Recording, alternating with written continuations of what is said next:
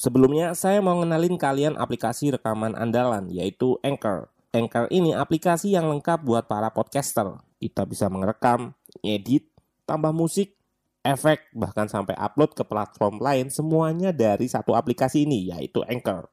Nah, aplikasi ini bisa kalian download di App Store atau Play Store, atau bisa juga dari website langsung di www.anchor.fm. One app that your podcast need. Oh ya, Anchor ini gratis, free transfer.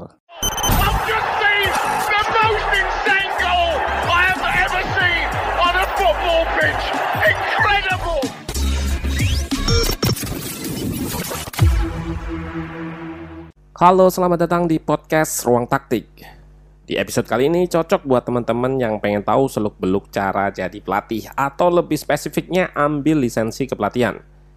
Kita akan banyak ngobrol sama praktisi yang udah punya lisensi. Langsung aja dengerin obrolan kami yang dipandu oleh Mas Dodo. Silakan. episode kali ini yang ketiga ini kalau buat saya pribadi cukup spesial nih karena berangkat dari kayaknya keresahan teman-teman semua yang bergabung di Discord gitu. Kita pengen bisa punya andil gitu berkontribusi terhadap sepak bola Indonesia. Tapi kita masih banyak yang belum tahu nih sebenarnya kalau pengen pengen kontribusi dalam hal ini sebagai pelatih itu caranya gimana. Nah, kali ini malam ini kita akan coba bahas. Dan malam ini tentu saja bukan saya yang mengisi karena saya belum berlisensi. Jadi kita akan mendengarkan sharing-sharing malaman yang memang sudah uh, apa namanya sudah menjadi praktisi juga dan juga tentu berpengalaman. Yang akan mengisi materi pada malam hari itu ada dua. Yang pertama adalah Mas Ferry. Dan Mas Ferry sudah bergabung di sini ya? Halo Mas. selamat malam. Oke Mas Ferry ini merupakan analis timnas U16 betul Mas ya Ya masih jadi analis 16 ya. Oke, nanti kita bakal mungkin bisa jadi merepet-repet juga nih mas soal di sekitar timnas, nggak apa-apa mas ya.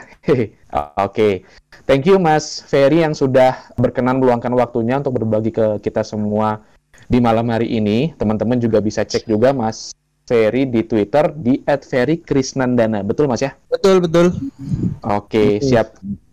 Selain Mas Ferry, itu ada juga salah satu pandit gitu ya, yang sekarang juga sebenarnya udah nggak bisa dibilang pandit aja gitu, karena sudah bergabung dengan klub profesional. Nanti teman-teman bisa nanya sendiri atau japri beliau.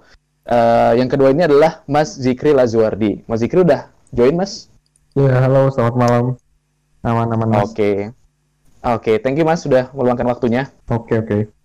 Oke, jadi em, biar mempersingkat waktu, mungkin eh, formatnya sama gitu ya. Nanti saya akan memulai tanya-tanya dulu ke Mas Ferry maupun juga Mas Zikri. Nanti di tengah-tengah teman-teman boleh bertanya, silakan nggak perlu malu-malu, boleh nanya langsung, silakan mau lewat chat juga yang ada di apa namanya channel pertanyaan voice ini juga silakan nanti akan coba kita bahas sesuai durasi waktu. Nah, mungkin yang pertama nih, kita kemarin kan pengen bahas soal lisensi kepelatihan. Nah, kita tahu Mas Ferry sama Zikri ini udah sama-sama megang lisensi nih.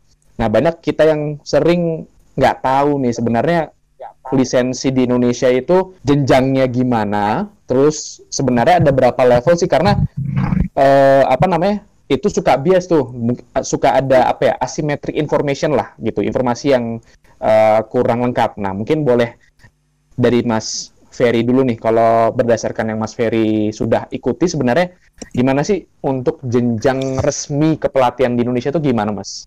Monggo Mas. Eh, selamat malam ya semua. Eh, langsung aja. Sebenarnya eh, kalau informasinya simpang siur itu lebih nah karena ya namanya lisensi gini kadang ada ada perubahan gitu dari atas.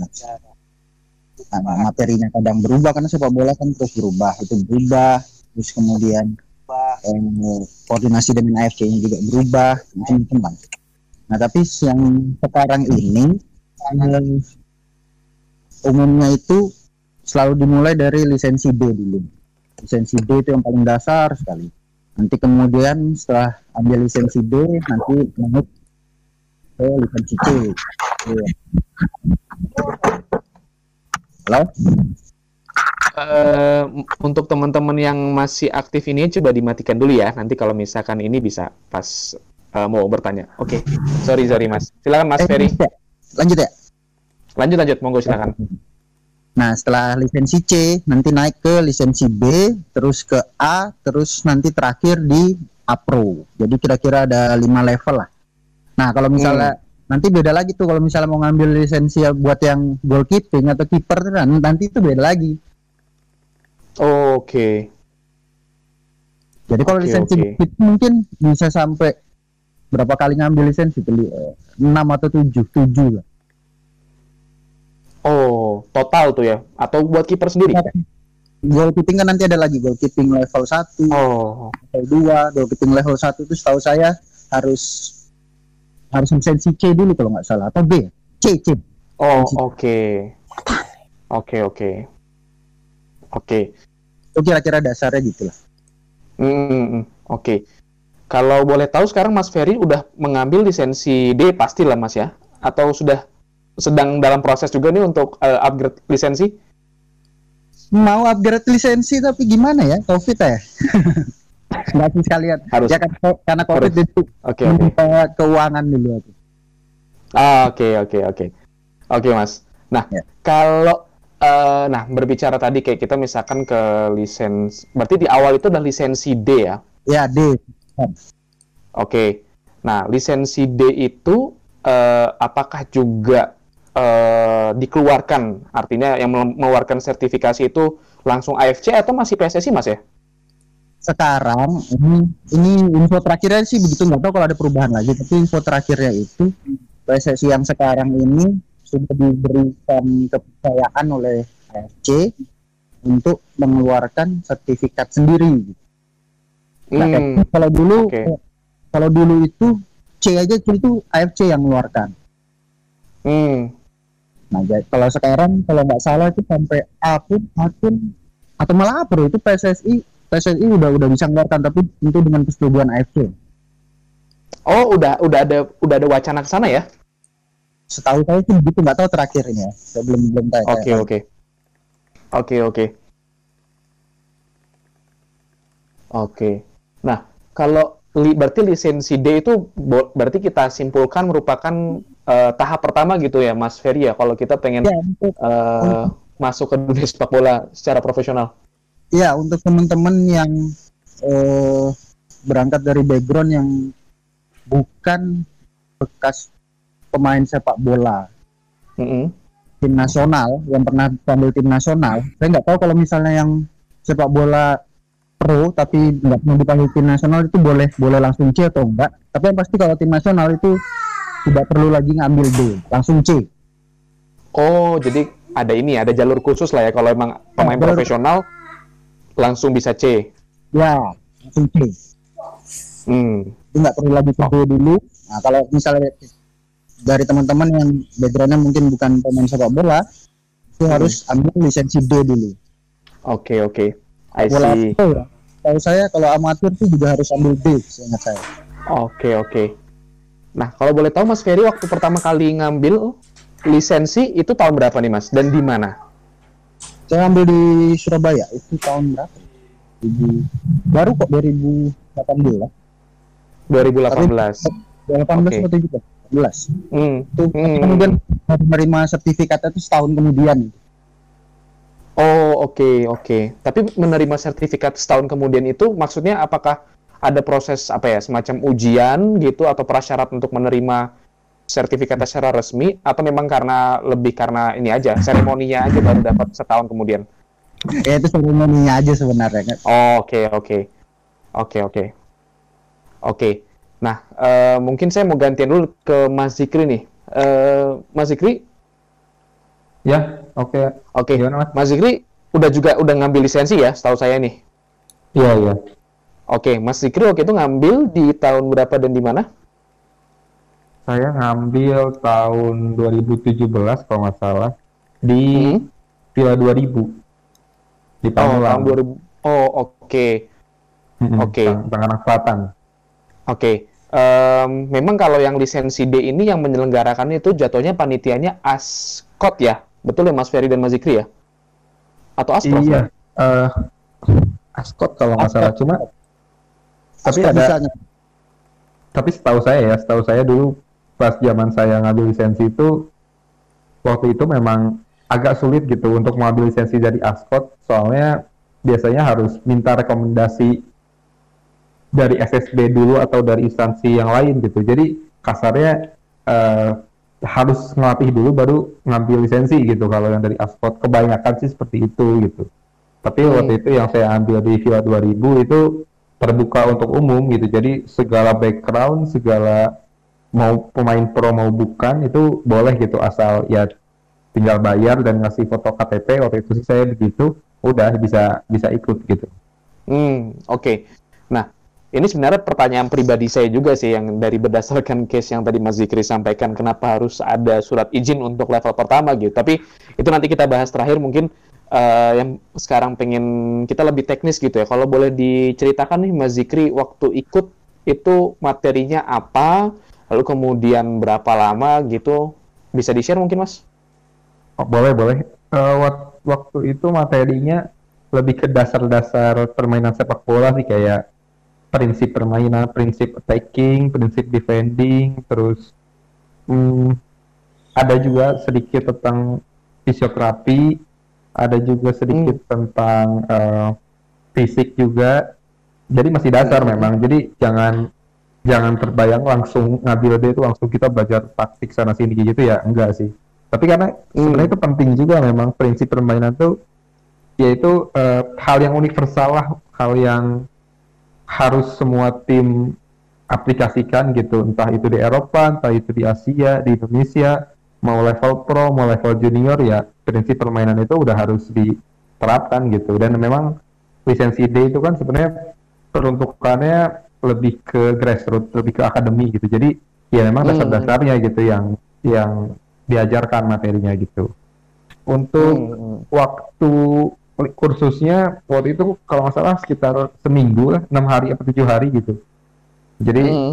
kalau yang dari luar kota sih biasanya suka disediain mes, terus ya udah kita Hmm. seminggu di sana gitu. Eh, dari pagi sampai sore itu jadi memang kalau punya pekerjaan harus harus izin mungkin dia harus cuti gitu atau ya harus Hmm. disesuaikan gitu. Jadi pagi itu ada praktek, nanti siangnya sebelum sebelum makan tuh ada teori, setelah makan ada teori lagi, sore-sore ya setelah mataharinya udah lebih bersahabat ya ada praktek lagi gitu. Itu sih Hmm. sekitar lima harian seperti itu dan di hari terakhir waktu itu saya ada eh, ujian. Jadi ada ujian Hmm. teorinya gitu, ujian tulis gitu, sama Hmm. ujian praktek. Karena kan waktu itu saya ngambilnya di Villa 2000 yang di Villa 2000 kan akademi. Jadi Hmm. waktu itu ketika ujian ya si anak-anak akademinya tuh disuruh masuk dan kita kayak Hmm. megang kelompok umur tertentu dan materi tertentu gitu yang udah di udah di assign gitu ke kita gitu Oke. nah kita kita ngisi materi satu training session Hmm. lah gitu di depan instrukturnya gitu untuk dinilai gitu gitu Oke, oke, oke, menarik, menarik. Eh, nah, saya mau balik lagi nih ke Mas Ferry. Eh, tadi Mas Zikri sempat bilang nih kan kalau lisensi D itu sem- di beberapa askot itu ada yang masyarakat eh, mensyaratkan eh, surat rekomendasi. Artinya mungkin bisa diekspektasikan yang mau mengambil lisensi D itu punya pengalaman minimal bisa udah pernah melatih SSB. Nah, wak- saya pengen nanya ke Mas eh, Ferry nih, waktu pertama kali ngambil lisensi dia itu kalau Mas Ferry sendiri jatuhnya itu waktu itu sudah berkecimpung dulu di dunia sepak bola atau jatuhnya yang dari eh, latar belakangnya masih belum ada nih Mas, kalau boleh di share. Kalau saya termasuk yang beruntung kan sudah berkecimpung di sepak bola duluan. Jadi Hmm, eh, ya cenderung lebih gampang gitu. Nah, oke. Nah itu. Oke, nah, sebe- nah ini em, menarik nih Mas, karena Mas Ferry udah berkecimpung terlebih dahulu gitu ya, lalu mengambil lisensi. Sebenarnya ketika dari sudut pandang yang udah praktek duluan ya gitu. Nah, eh, apa yang paling apa ya, boleh dibilang paling berbeda atau yang paling menurut Mas Ferry yang udah berkecimpung duluan saat itu paling signifikan secara materi? Mungkin boleh di-share Mas. Eh, waktu saya ngambil itu kan juga masih pengenalan pengenalan Villanesia lagi gencar-gencarnya. Hmm, oke. Itu kemudian eh, banyak juga kok eh, pelatih-pelatih di daerah, terutama pelatih-pelatih SSB yang yang kebetulan belum punya lisensi tapi udah lama gitu ngelatih SSB. Mm-mm. Nah itu juga kemudian baru ya semacam gimana ya semacam oh ternyata gini cara ngelatihnya gitu kira-kira Oh, Oke. Oke, oke. belajar dari pengalaman-pengalaman gitu Mm-mm. karena kalau, kalau begitu begitu masuk ke masuk ke lisensi gini nah itu kan itu kan beda udah udah udah ada metodenya lah istilahnya gitu Hmm. banyak banyak banyak tuh di situ Hmm. Oke, oke. Nah, em, nah ini menjadi karena tadi udah menyinggung Villanesia, mungkin akan jadi pen- eh, hal yang menarik juga buat saya dan teman-teman yang menyi- menyimak ini untuk tahu gitu. Kalau materi atau kurikulumnya lisensi D itu karena mengeluarkan PSSI, apakah memang full diambil dari Villanesia atau dia gabungan? Kalau nggak salah juga FIFA tuh punya kurikulum FIFA Grassroots juga tuh. Nah, mungkin boleh nih salah satu menjawab Mas Zikri atau mungkin Mas Ferry berdasarkan pengalamannya. Zikri dulu lah Oke oke Mas Zikri silakan Mas. baru saya mau ngoper juga nih mas. Eh, ya sejujurnya saya belum belum belum pernah baca ya kalau soal yang FIFA itu dan eh, tapi kalau untuk yang lisensi D itu memang banyak banget dari Villanesia gitu karena saya juga Hmm. 2017 itu memang lagi sama-sama digencarkan juga itu soal Villanesia jadi eh, sangat banyak memang dari Villanesia dan karena lisensi D itu kan yang tadi saya bilang saya cerita juga itu banyak tentang prinsip permainan dan di Villanesia Mm-mm. juga itu dijelaskan gitu jadi memang banyak uh, materi dari Villanesia gitu mas Hmm, oke, oke, I see.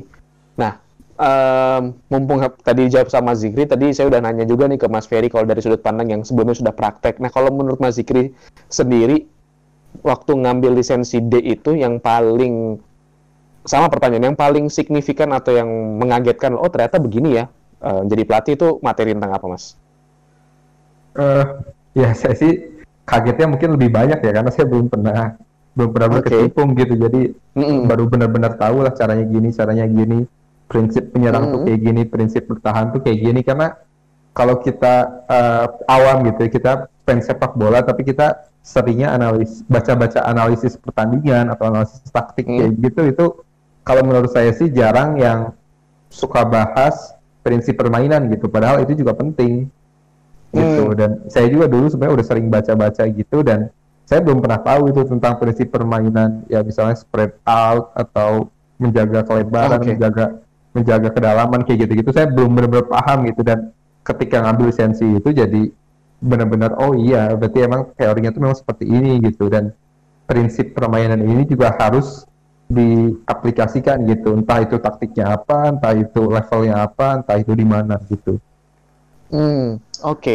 Nah, eh, mengambil lisensi D ini itu memang pada akhirnya ketika sudah ber- sudah selesai kursus dan punya lisensi D itu memang secara materi ditujukan untuk menjadi pelatih usia dini ya untuk usia-usia grassroots betul ya Mas Zikri dan Mas Ferry?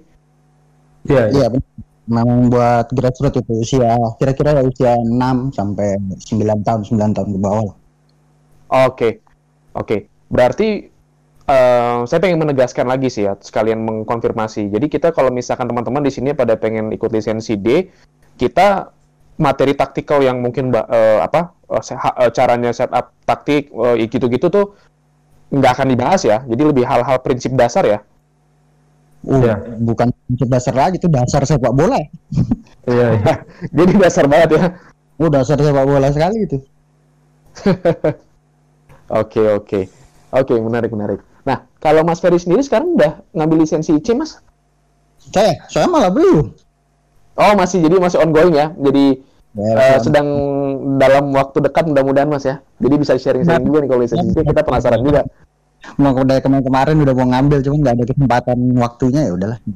Ah, oke oke oke. Oke nah eh eh, mungkin saya gantian dulu sama teman-teman. Tadi kita udah bahas cukup ya boleh dibilang cukup dalam gitu ya soal latar belakang dari mas eh, apa Mas Ferry dan Mas Zikri yang secara ketika ngambil beda terus hal-hal yang dipelajari. Nah sekarang saya mau ngasih kesempatan untuk teman-teman eh, yang ingin bertanya soal eh, materi kita pada malam hari ini silakan boleh ini saya buka kesempatan dulu yang pengen nanya langsung silakan bisa share namanya dulu siapa terus pengen bertanyanya ke siapa silakan. Bodo, sorry, sorry. Uh, Mm, mm. di sini ada Coach Reza Rafsanjani ya. Ya, lebih- Eh, halo Coach, Eh, ini kayaknya Coach Reza ini udah lisensi C ya Coach ya. Boleh tolong cerita Oh, Coach? oke. Oke, nah bener. Oke, Mas. Ya, eh, sorry coach. Nah, silakan coach.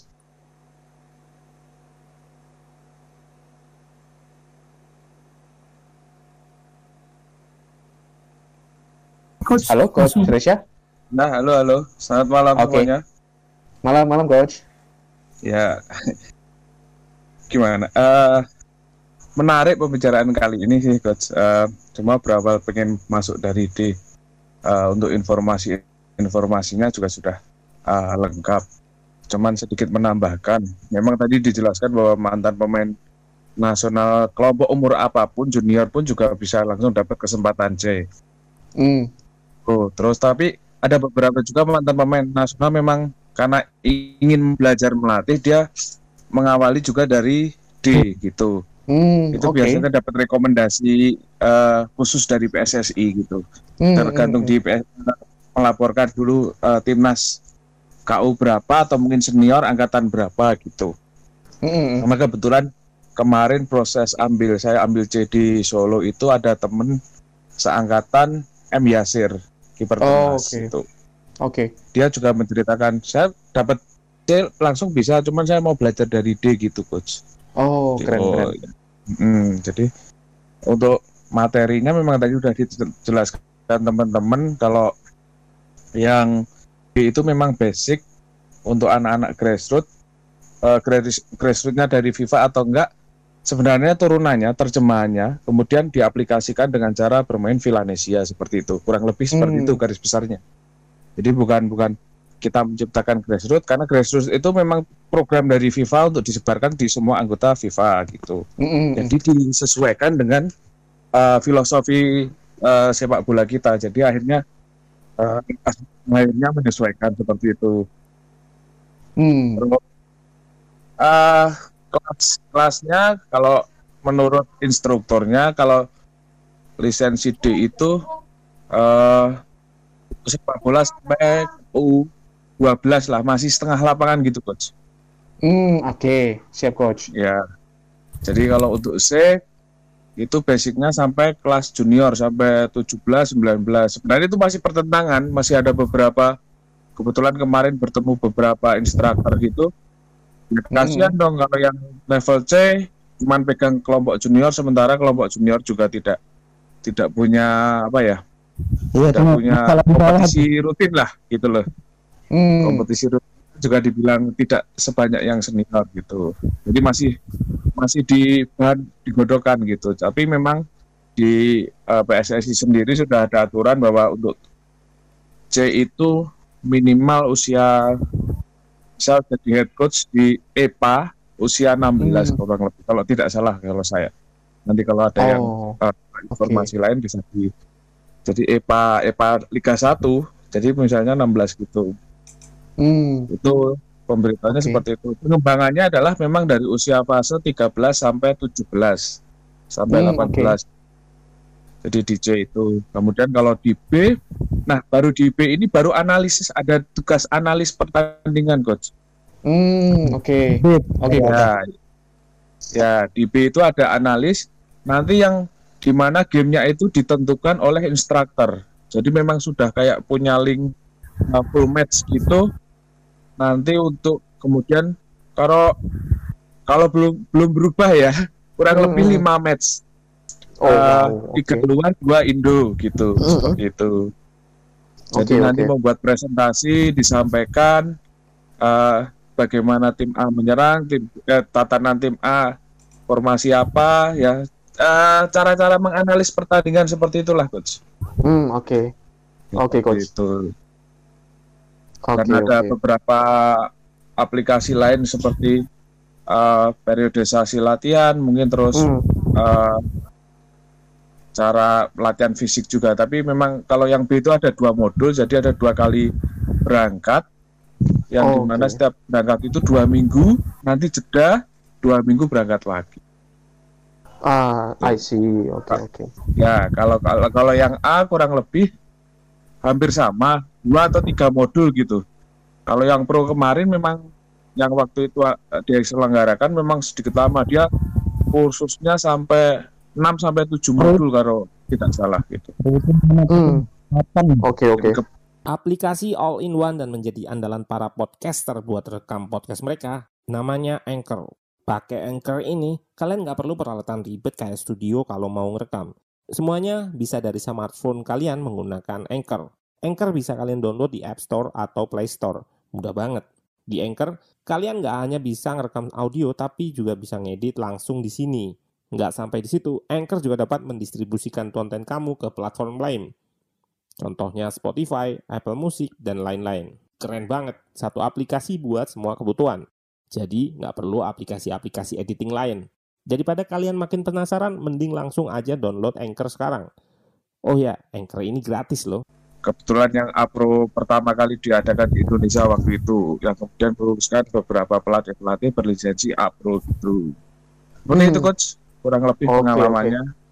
Oke, thank you coach. Ini sudah menyampaikan tadi. Mungkin saya agak sedikit pengen ngulik nih coach karena coach sudah berpengalaman ikut C gitu ya. Nah, Ya. kalau tadi kita sempat menyinggung kalau di D itu kan membahas tadi Mas Ferry bahkan wah itu dasar stok bola banget itu. Jadi Iya. kita kalau pengen ikut nggak bisa berekspektasi yang taktik. Tadi Coach Reza juga udah menyampaikan itu baru ada di B. Nah, kalau di C ini bedanya yang paling sig- signifikan gitu. Kalau boleh di-share apa sih Coach? Eh, bagaimana membuat program latihan untuk eh, kelompok bermain kelompok umur yang bermainnya sudah 11 lawan 11 tuh. Hmm, oke. Ya. Oke, Coach. Jadi ada fase-fasenya kan 13 sudah mulai satu lapangan itu 13 sampai Mm-mm. 17 gitu sudah dari mulai 13 itu sudah dibagi bagaimana nanti program latihan memulai bukan membahas lagi soal gimana cara passing atau apa tidak coach tapi fase apa ya breakdown dari program latihan misalnya eh, fase build up sampai tengah kemudian tengah ke depan tengah kemudian goal Hmm. Kemudian Oh, oke. Eh, berikutnya kebalikannya Eh, sesuai Hmm. dengan per- permainan sepak bola itu press build up bertahan kemudian eh, prevent goal gitu Oke. jadi tiga Oh. perbedaannya di situ jadi Hmm. lapangannya sudah 11 kemudian bagaimana membangun eh, membuat program latihan seperti itu jadi udah eh, udah mulai membuat program-program latihan dan mempraktekannya Hmm, oke oke. Oke, coach.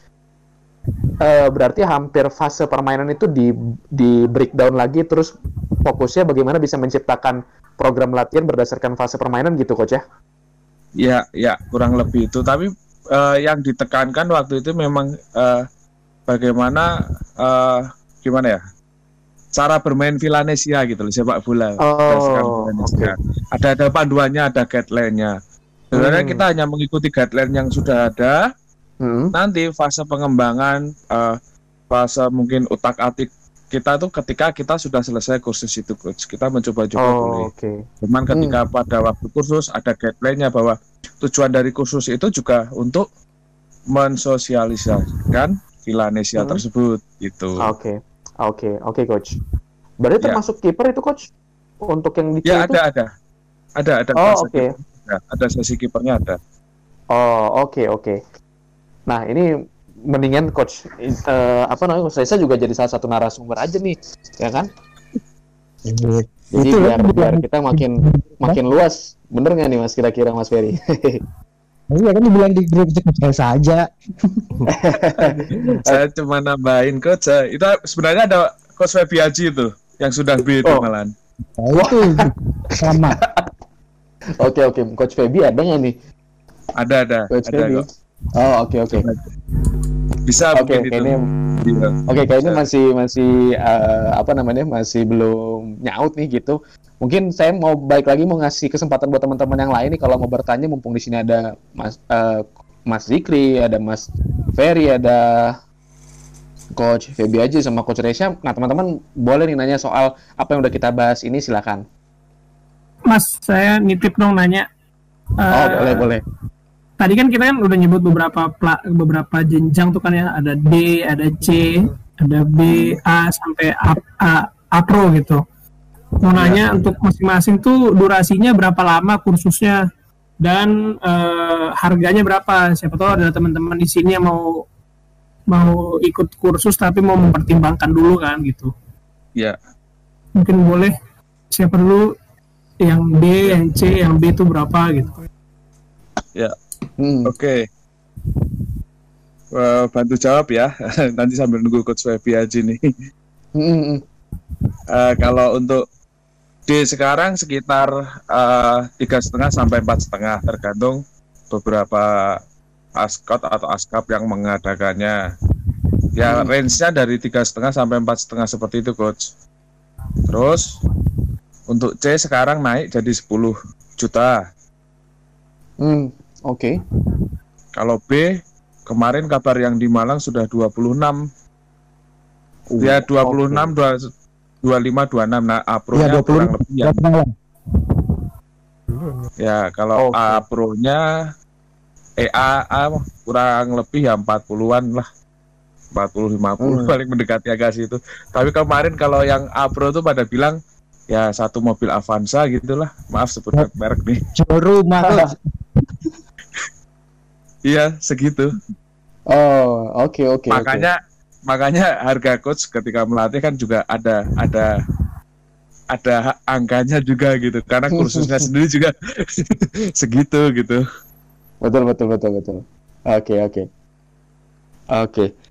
Kalau boleh tahu yang B itu juga, kalau tadi C itu dua minggu, eh B itu yang tadi dua minggu itu ya, Coach Resya? C itu dua minggu kalau Oh, dua yang minggu, dua B minggu itu ya? dua modul dua modul Oh, jadi dua Oke kali oke. sepertinya seperti kayak sebulan gitu cuman Oh, nggak nggak nggak oke. jadi satu bulan di split dua bulan break Hmm. dua bulan gitu Oke. Kalau ujiannya nih, Coach, Ya. eh, di C itu apa, Coach?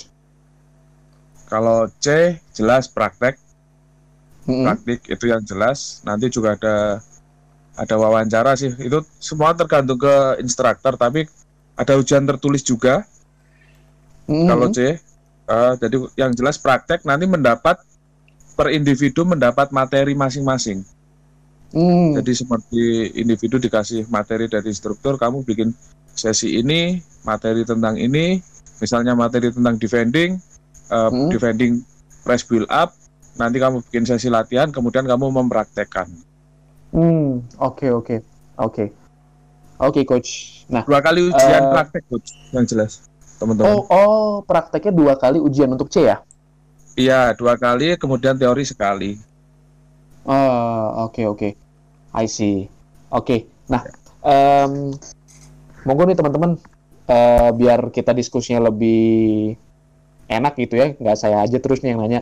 Teman-teman silakan nih yang mau bertanya langsung mumpung udah ada pakar-pakarnya, udah udah berpengalaman, udah megang lisensinya juga. Nah ini bisa dimanfaatkan kesempatannya. Silakan teman-teman.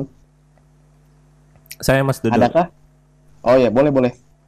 Oke, Coach Reza selamat malam. Terima kasih sebelumnya udah disempetin Malam. untuk bergabung ya, Coach. ya Yang pengen saya tanyakan sih, eh, kalau kita kan berangkat dari fans ya, sering sering Ya. banget gitu. Kalau fans itu ya apa-apa salah pelatih gitu, apa-apa salah pelatih Ya. kayak itu sering dikambing hitamkan.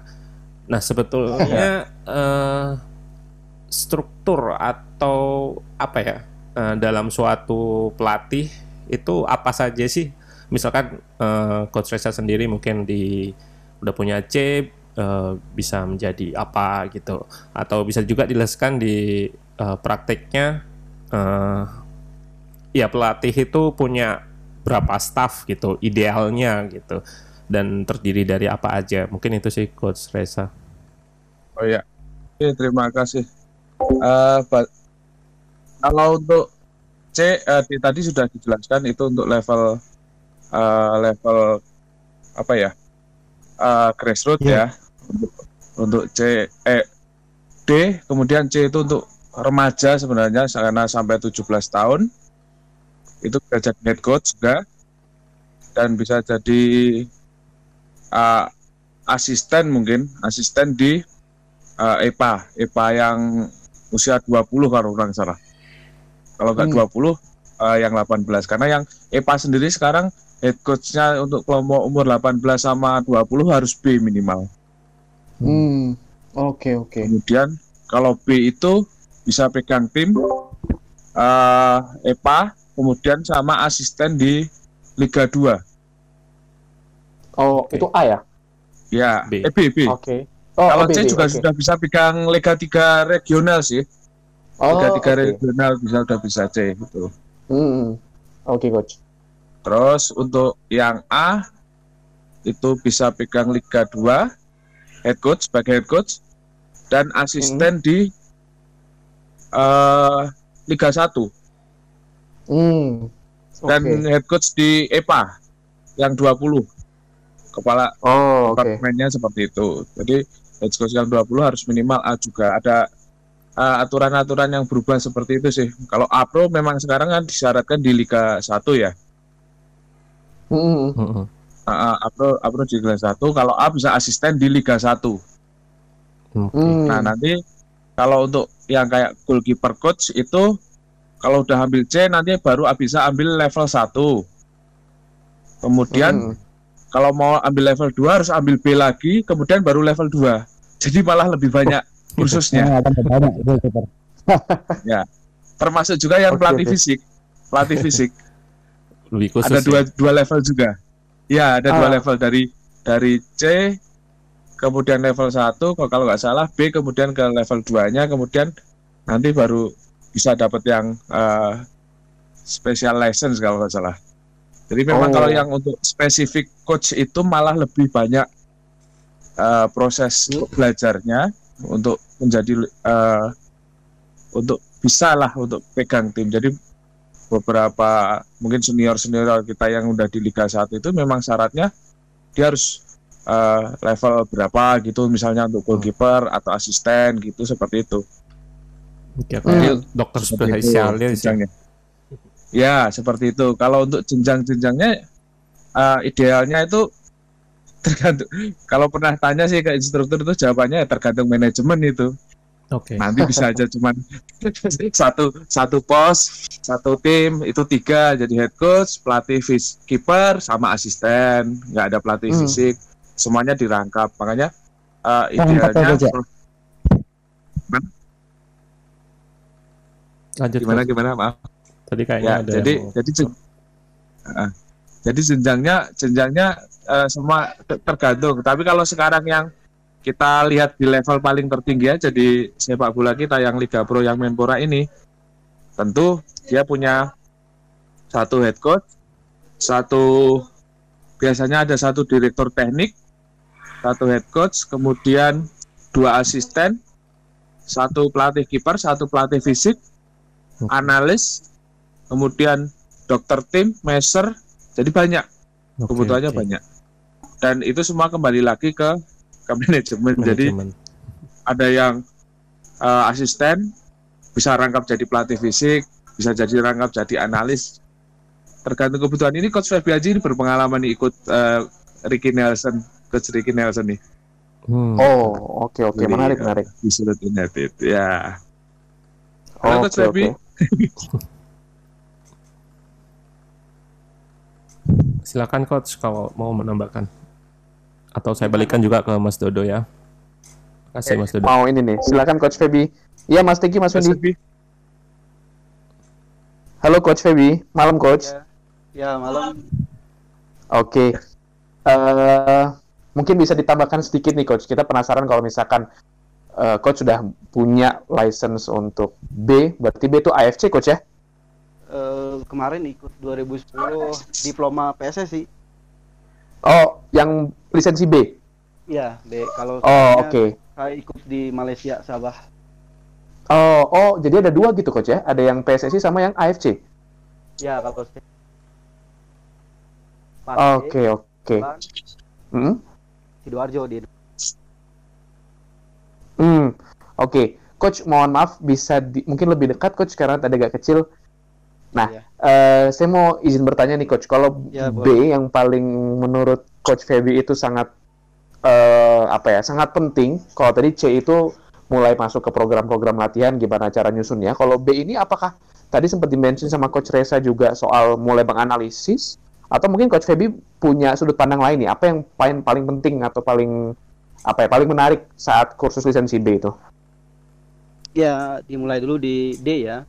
Jadi Mhm. yang saya tangkap dari D itu kan lebih ke dasar. Gimana passing. Ya, nanti sambung lagi ke C. Kalau saya dapat di Malaysia tuh individual tapi dalam situasi game. Maksudnya dalam game tertentu dinilai individualnya seperti apa.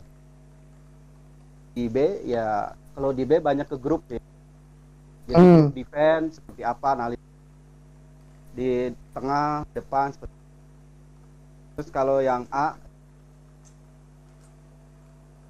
tempat yang udah A itu banyak ke full game makanya di A tuh banyak analis eh, untuk videonya video analis lebih banyak Hmm, oke oke. Kalau yang ini coach, tadi coach berarti coach ngambil dua kali ya, yang PSSI sama yang AFC di Malaysia ya? ya enggak be- beda tingkatan Oh oke oke.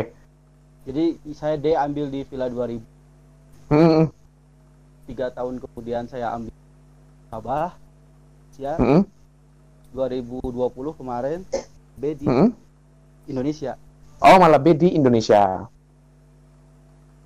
Oke oke oke coach. Nah, eh kalau boleh diceritakan juga coach kalau untuk eh, ujiannya gitu ya, ujiannya itu apa coach? Kalau tadi C udah mulai ya tadi coach Reza sudah menjelaskan cukup banyak. Kalau B itu apakah ada yang paling berbeda gitu coach?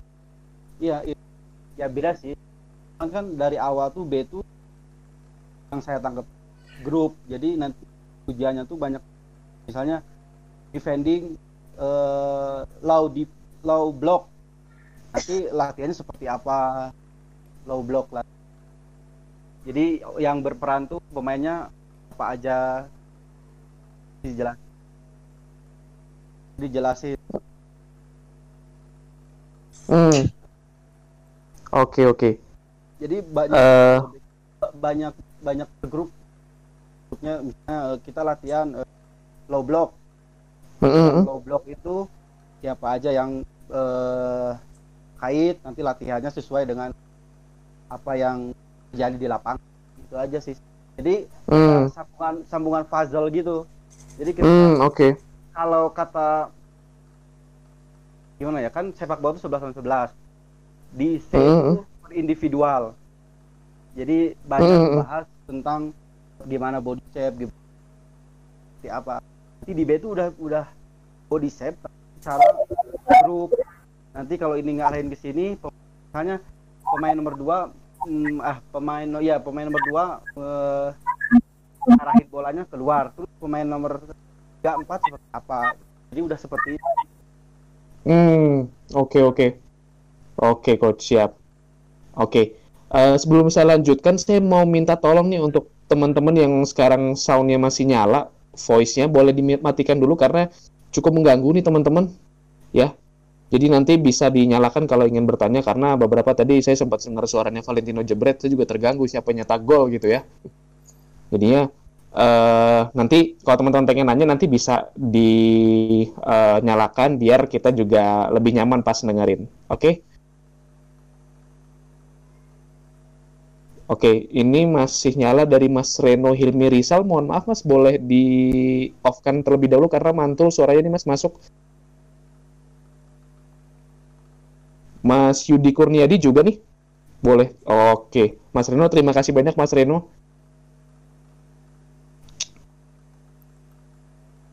Oke, oke. Nah ini eh, saya lanjutkan lagi nih. Mau saya mau bertanya ke eh, Mas Zikri nih. Kalau sekarang, eh, Mas Zikri mungkin setelah eh, kita dari dasar gitu ya ngambil lisensi D.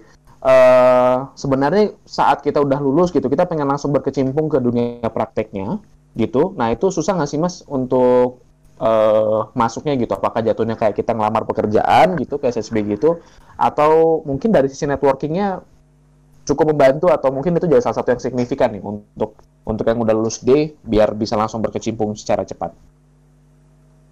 Eh, kalau pengalaman saya sih dulu setelah saya lulus ya saya cari-cari SSB sih karena ya Hmm. eh, saya juga butuh praktek gitu karena sebelumnya saya belum pernah melatih gitu jadi ya harus praktek lah gitu dan setelah dapet dia juga karena tujuannya untuk untuk praktek gitu jadi pelatih jadi saya cari-cari dan kebetulan di kampus saya tuh eh, kampus saya membawahi UPT olahraganya membawahi SSB juga gitu. Jadi saya nyobain ke sana dan eh, akhirnya kurang lebih kayak ngelamar kerja sih ya mungkin karena saya ngasih eh, sertifikatnya terus ngasih CV juga kalau nggak salah waktu itu dan sempat ngobrol-ngobrol juga sama sama kepala pelatihnya waktu itu dan eh, akhirnya juga interview sama orang UPT olahraganya yang mana itu sebenarnya dosen.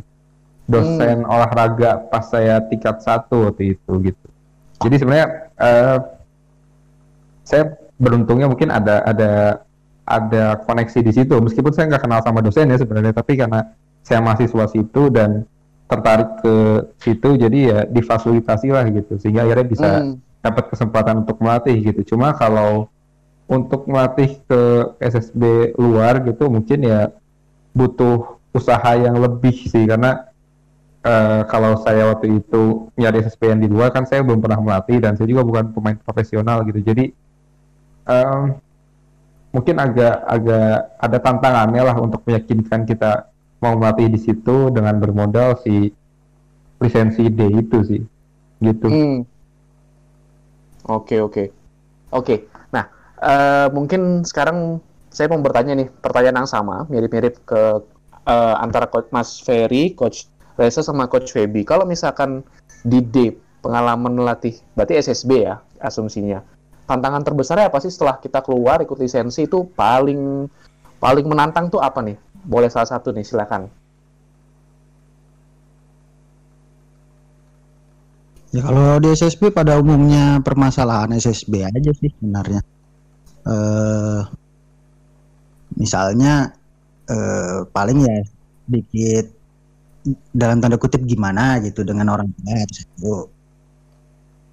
Terus yang kedua eh ya namanya SSB kan kadang-kadang terutama SSB yang di kampung-kampung ya kalau, kayak tempat saya di pelosok-pelosok gitu dia juga kan kadang-kadang ya namanya anak-anak eh, kadang latihan, kadang enggak sesuka hati ya kan. Nah, Oke oke. anak kecil itu kan tantangannya di situ sampai kadang-kadang saya ingat instruktur instruktur saya itu juga ngomong gini, Wong kadang-kadang pelatih lisensi B itu belum tentu bisa ngelatih grass, grassroots. Hmm. Karena beda ya. Iya, iya karena beda. gitu. Jadi menghandle anak kecil itu kan nggak gampang. Hmm. Nah itu itu tantangannya sebenarnya paling besar ya di situ. Kalau Hmm. SSB, terutama kalau udah sebelumnya malah udah terbiasa ngelatih yang lebih usia yang lebih tua. Nah, terus tiba-tiba mesti ngelatih SSB lagi, waduh berat, berat. Hmm, oke oke. Oke oke. Nah, idealnya kalau SSB gitu coach ya, berapa satu pelatih itu handle berapa anak sih? Biar nggak terlalu pusing gitu. Idealnya, Mm-mm. Yang nyaman gitu. Kalau mungkin pengalaman Mas Ferry atau mungkin coach Reza maupun coach Feby gitu. tergantung Karena banyak punya berapa kelompok usia tuh. Oh, oke. Oke oke. Itu aja. Hmm. Jadi kelompok usianya ada ada ada dua misalnya katakanlah yang U10 atau misalnya U4 U12 jadi ada dua gitu U10 sama U12 ya paling enggak paling enggak tuh ada ada dua dan empat empat pelatih enak lah sudah kalau sendirian Oh. wuh, Oke oke oke. Oke Mas Ferry. Oke, pertanyaan yang sama nih. Kalau misalkan berdasarkan pengalaman Coach Reza dulu nih, kalau saya sendiri saat eh, mungkin sekalian kalau misalkan saya salah, tolong dikoreksi Coach ya. Eh, saat menga- eh, menghandle eh, anak-anak usia muda itu berdasarkan pengalaman Coach Reza itu tantangannya apa? Lalu kemudian yang ideal tuh handle berapa banyak anak-anak sih, Coach? Eh, kalau usia muda ya, usia Mhm. muda tentu eh, kalau remaja sih masalahnya bukan masalah eh, karena kalau DJ itu memang udah diajarkan kita eh, tahu psikologis karakter anak usia segitu, jadi kita harus tahu tantangannya jelas eh, menghadapi kayak kayak guru ngajar di sekolah gitu. anak-anak muda dengan latar Hmm. belakang bermacam-macam. Eh, malah lebih susah meng kalau saya sih tantangannya bukan di sepak bolanya tapi di non footballnya. Kayak apa tuh di maksudnya? ya lingkungan teman-teman bermain Oh, mereka oke. seperti apa lingkungan yang baik atau tidak atau mungkin bahkan dari kecil lingkungannya keras anak-anak itu udah ngerokok juga kan kita nggak bisa tahu kan kontrol kita nggak bisa Hmm, sampai hmm, sampai ke ke usia usia situ sih kalau untuk anak-anak kecil ya sewajarnya anak kecil sih memang tantangannya membuat uh, program latihan yang menarik sehingga mereka Hmm. tetap memperhatikan kita itu sebenarnya tantangan tantangan layaknya guru PAUD uh, guru TK guru anak anak-anak SD lah Itu mengajari anak-anak SD gimana supaya fokus ke gurunya gitu kan itu itu itu itu Hmm. suatu bentuk keterampilan lah keterampilan kita Hmm. ber- bertatap muka dengan anak seperti itu terus ya ada ada ada cerita masing-masing kalau yang udah remaja ya ego egonya egonya udah mulai gede gitu ya semuanya Oke. punya punya cerita masing-masing cuman uh, di kehidupan kita di masyarakat memang di usia remaja itu paling bagaimana uh, mereka bersosialis uh, bersosial di luar sepak bola itu yang uh, kita harus sedikit ekstra lah kalau saya Hmm. Kalau idealnya Oke. sama tadi dibilang eh, kalau kelompok umur kecil ya, karena biasanya kalau kelompok di grassroots, kelompok under under 13 atau 12 tahun ke bawah itu kan paling banyak kita bawanya 14, 16. Jadi satu kelas itu bisa bisa hanya kelompok itu, terus paling banyak 20 gitu lah. Itu untuk yang Hmm. kecil-kecil gitu. Kalau untuk yang tim yang sudah mulai 13 ya rata-rata 25 layaknya tim lah dengan kiper 3 atau mungkin kiper 4 dengan 20 20 pemain yang kalau biasanya akademi yang eh, ceritanya bermacam-macam eh, kemampuan tidak merata berbeda-beda seperti itu. Hmm. Hmm. Jadi Oke. eh, berdasarkan kelompok umur kalau situasi tandingnya yang eh, 9 lawan 9 mungkin bisa bawa lebih dari 14 15 lah tapi kalau yang eh, kayak 12 ke bawah yang main masih 7 lawan 7 bisa bi- paling banyak 14 14 sampai 16 Hmm. itu paling gitu Hmm, oke oke. Kalau bukan dengan orang tua nih coach, kadang beberapa kalau saya pribadi nih ya dapat info gitu, kadang termasuk jadi tantangan juga itu bener nggak tuh kalau eh, sebagai pelatih di level untuk yang lisensi D atau pelatih usia dini? sangat benar sekali mereka eh, bermacam-macam lah latar belakang ada yang orang tuanya pencari apa ya kayak glory hunter lah pemburu Hmm. pemburu pemburu piala lah dia bisa anaknya anaknya sendiri bahkan bisa menjadi punya apa ya ibarat kata kalau anak orang Tarkam tuh seribu bendera gitu Hmm. ada turnamen sini dipinjam SSB sini nah akhirnya Oh. orang tua itu sendiri ada Oh. ada yang niatnya memberi kesempatan yang penting anak saya positif lah tapi yang yang glory hunter itu yang butuh ekstra karena biasanya kalau timnya tidak eh, tidak ya menurut dia tidak kuat lah tidak menangan tidak bisa memberikan piala dia akan selalu terbang mencari berpindah mencari eh, apa ya mencari S- SSB lah kalau kelompok umurnya masih SSB yang sekiranya dia memuaskan hasrat orang tua itu sendiri. Jadi ini yang mungkin menjadi kendala yang sering mungkin disebut di kursus bahwa di usia usia grassroots kan bukan kemenangan bukan segalanya. Nah sementara Hmm. kita bertemu itu, nah kontradiksi dengan situasi di uh, lapangan sebenarnya. Jadi sangat-sangat berbeda Ah. jauh gimana kita menjelaskan uh, ya menang itu bukanlah hal yang utama tapi menang itu bisa memberikan kebahagiaan kan proses mendapatkan kemenangan anak-anak kan belum bisa dipegang ini bawahnya Ah. kan jadi selalu baik itu nah itu yang kalau kalah tidak terima udah macam-macam lah ya s- seperti Hmm. itulah Oke oke oke.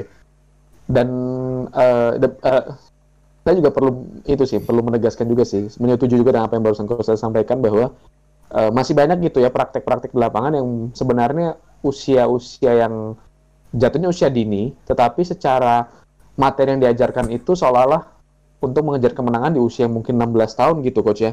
Jadi Ya. eh, akhirnya kalaupun eh, apa namanya kalau kita mau cari kekurangan akhirnya nggak jadi bagus juga ya untuk perkembangan si anak itu sendiri ya. Ya benar sekali. Perkembangan fisik khususnya. Hmm, Karena- oke dan- oke. dan biasanya biasanya layu sebelum berkembang. Oh, karena- oke. karena sudah mendapatkan yang belum waktunya dia dapatkan dia sudah mendapatkan. Jadi memang terlihat hebat di kelompok usia dininya tapi ketika eh, mungkin lama-lama beranjak dia mengalami mungkin perkembangan fisik tidak terlalu bagus karena overtraining latihannya terlalu banyak Hmm. kemudian ini masih banyak nih praktek eh, beberapa mungkin teman-teman pelatih yang mungkin karena memang tidak sabar ya proses tidak sabar dengan proses ada yang seperti itu orang tua juga tidak sabar sehingga akhirnya anak itu layu sebelum berkembang bukan karena cedera atau apa tapi memang kadang-kadang bosan saya udah menangan sering menang mau ngapain jadi fase Ah. sepak bolanya sudah menyenangkan lagi bukan apa ya kalau di di lesson D itu ada bahwa sepak bola itu menyenangkan gitu Hmm, Kalau hmm, udah- betul betul. Dengan Menggembirakan. ya Menggembirakan mengembalikan istilahnya. sudah layaknya eh, setiap pertandingan final layaknya Piala Dunia kalau kalah dimarah-marahin habisan ada itu pasti Hmm, oke. Padahal Oke, padahal baru antara SSB itu seperti layaknya final Piala Dunia. Semuanya sa- marah-marah itu udah. Gengsi ya. kalau teman-teman besok ber- sering berkecimpung di SSB pasti bisa akan akan bertemu seperti Ya hampir Oke, tawurannya oke, Oh ya. gimana? Ya hampir ya orang tawurannya tua tahu. Orang orang yang tahu. tua ya. orang tua itu iya. karena nggak terima dilecehkan anak- anak-anak. Padahal anaknya anak-anaknya di luar berteman. Santai aja padahal ya. Iya oh, anak-anak kalah setelah kalah besok udah lupa gitu dia udah Oke, melupakan oke, oke. apa yang terjadi kekalahan gitu jadi di Oke, situ oke. mungkin ketika ambil lesson D mungkin lebih banyak kita harus menekankan bahwa sepak bola di kelompok grassroots itu menyenangkan kalah Hmm. kalah bukan berarti kamu tidak bisa besok menjadi lebih baik lah gitu. Hmm, hmm, hmm. Oke oke oke ini ini percakapan yang menarik tadi eh, dua tiga menit terakhir karena ini menjadi bisa jadi menjadi nggak cuma PR yang sudah berkecimpung tapi PR kita kita juga nih yang kalau pengen berkecimpung. Tantangan yang ada karena sepak bola itu nggak cuma berinteraksi dengan orang teknis tapi juga orang-orang di luar gitu. Contohnya di lesson CD kita juga pasti ber- berinteraksi sama orang tua jadinya makin banyak yang ngerti dengan situasinya tentu saja diharapkan makin meningkat juga cara cara menghandle dan eh, ngerespon hal-hal kayak gitu. Dan harapannya juga akhirnya banyak orang yang makin mengerti juga gitu ya coach ya. ya Oke oke. Nah kalau nah ini saya agak over tapi kayaknya menarik untuk kita bahas nih karena ngomongin soal lisensi kepelatihan gitu. Em, Ya. Karena tadi kalau di C itu kan udah menghandle usia ya 11-13 tahun ya coach ya sampai 16 ya. Ya. Nah Ya, itu kalau misalkan 8. Hmm? Oh, Oke sampai 18 ya. Ya. Oke, nah itu kalau misalkan pasti kan ada tuh coach satu dua anak yang pasti pun kelihatan menonjol nih karena emang bakatnya gitu. Nah itu treatmentnya Ya. gimana coach ya? Ah, Diajarin nggak tuh misalkan di C? Oh kalau ketemu anak yang memang secara secara kemampuan memang unggul gitu, itu caranya gimana tuh? Apakah emang dia ditarik gitu, punya latihan sendiri, atau di langsung dimasukin ke apa eh, semacam eh, akademi eh, tim-tim profesional atau gimana nih? Eh, ini kalau eh, pengalaman ya sama dis hasil Mm. diskusi teman-teman gitu. Eh, kalau ada yang menonjol misalnya usia 14 gitu ya katakanlah kan masih range 13 sampai 17 biasanya diikutkan pada latihan ke 15 latihannya. Tapi nanti bisa Mm. bertanding di usia kelompok umur usia di bawahnya tergantung dari kebijakan masing-masing akademi dan pelatih sih sebenarnya. Biasanya memang levelnya dinaikkan tapi eh, bebannya menyesuaikan. Itu ada mungkin sudah di secara tertulis tidak tersampaikan secara materi itu tidak tersampaikan. Cuman eh, jadi forum diskusi ketika kursus seperti itu. Jadi supaya eh, anak yang misalnya kelompok umur di bawahnya ini juga mendapat karena sudah terlalu dominan di bawah mungkin dia dinaikkan. Hmm, seperti itu cara yang Oke, jadi oke. ada beberapa cerita yang udah selalu do- terlalu dominan di kelompok umurnya dinaikkan seperti itu itu Hmm, udah umum dan it- dan itu nggak masalah ya untuk perkembangan si anak itu sendiri ya? di program latihan fisiknya saja tergantung Hmm. kelompok kebutuhannya gitu nggak tapi Oke. juga rentang waktunya juga nggak split jauh dari ya kita nggak tahu sih ada teman-teman mungkin apakah anak itu sudah siap 14 tapi ikut latihan 17 juga saya pikir juga terlalu jauh rentangnya. Tiga Hmm. tahun itu perbedaan karena udah dijelaskan juga perbedaan masa tulang, masa ototnya juga su- sudah pasti sangat berbeda gitu. Hmm. Oke, oke. Oke, Mas. Nah, ini saya buka kesempatan lagi nih teman-teman yang pengen bertanya bisa ke Mas eh, Zikri, ke Mas eh, Ferry, Coach eh, Feby maupun Coach Reza soal apa yang udah kita bahas ini sangat menarik banget. Silakan teman-teman. Ma- Mas saya mau nanya dong. Nah, boleh boleh. Ini kan Iya, iya. ada tadi kan kita di awal kan ngobrol sama Mas Ferry sama Zikri gitu. Mereka kan analis di timnya masing-masing.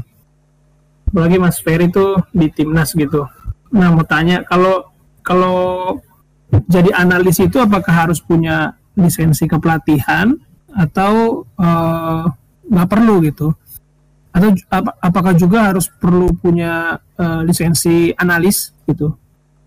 gimana sih persyaratannya karena saya juga nggak tahu sebenarnya spesifikasinya itu seperti apa gitu itu sih makasih Ya. Oke, tadi diajukan ke siapa nih kira-kira Mas Patrick pertanyaannya? Mas Ferry sama Mas Zikri tadi kan mereka yang Oh ya. yang, Oke, oke. yang pertama tadi udah lama nggak Oke. dengar suaranya Silakan mungkin Mas Ferry dulu boleh, Mas. eh satu hal yang perlu diingat sebenarnya profesi atau role analis ini kan baru kalau di sepak bola kita tuh baru baru Hmm. baru bang misalnya saya saya mulai mulai gabung di tim itu 2013 jadi ya kira-kira ya baru tujuh tahun lah gitu nah itu Hmm. Sebenarnya ya awal-awal pasti jelas nggak ada nggak ada persyaratan apa-apa. Yang penting terlihat bisa membantu pelatih kepala kan untuk melakukan analisa lawan atau analisa timnya. Ya udah langsung direkrut. Itu awalnya tuh begitu. Tapi semakin ke sini kalau saya kalau saya yang ditanya apakah analis yang mau terjun ke klub atau ke tim nasional insya Allah eh, harus mengambil lisensi atau tidak saya menganjurkan ambil. Saya Hmm. sangat menganjurkan ambil. Karena Oke. karena eh, lisensi ini itu kalau bagi saya itu seperti seperti apa ya eh, ijazah kalau di kuliah. Hmm. Terlepas itu nanti berguna atau tidak, tapi orang akan mandang itu kalau di sini. Hmm. dan itu kena pelak terutama untuk analis yang backgroundnya bukan dari dari dari sepak bola itu akan sangat membantu sekali komunikasi Nah, jadi memang baiknya ngambil ya. Jadi biar walaupun mungkin sudah punya knowledge gitu, punya ilmu dapat dari luar, tapi dengan ambil lisensi itu akan semakin apa ya, semakin mensolidkan gitu ya, Iya pemahamannya terhadap permainan sepak bola ya. ya terus ya itu ada ada gitu sisi-sisi di mana eh, ketika kamu sudah ngambil lisensi itu kalian jadi lebih ta- lebih tahu gitu sudut pandang pelatih Oke Jadi oke. Cepat gitu nangkep maunya Hmm, karena oke. masing-masing itu kan berbeda-beda gitu keinginannya terhadap si analis sendiri ada yang pengennya A B C ada yang pengennya cuma analisa lawannya ada yang pengen kalau ada yang pengen cuma analisa timnya sendiri ada yang pengen uh, analisa individunya doang itu beda-beda tuh ada juga Hmm. yang pengen ya sudah kasih saya yang penting terang sama weaknessnya lawan. Udah cukup itu aja. Tuh ada yang begitu? Hmm. justru kalau misalnya kita Hmm. ya, malah jadinya gimana? Nah itu kalau misalnya juga nggak sesuai dengan dengan pandangan pelatih kan repot. Nah karena kan nanti kan juga pelatih kan kadang-kadang punya asistennya. Nah itu kan juga mereka kan juga akan melihat. Nah kalau misalnya nggak sesuai gitu dengan apa yang mungkin mereka pelajari di lisensi kan repot gitu. Dan eh seingat saya saya pernah pernah diskusi juga kayaknya sama analis dari mana ya? UAE kalau nggak salah.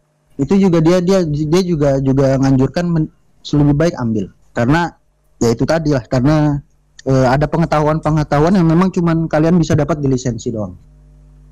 Gimana Mas Patrick? oke mantap mantap. Mantap mantap. Kalau Zikri gimana? Zik kan sekarang kan Zikri di klub nih belum mulai belum mulai. Mulai.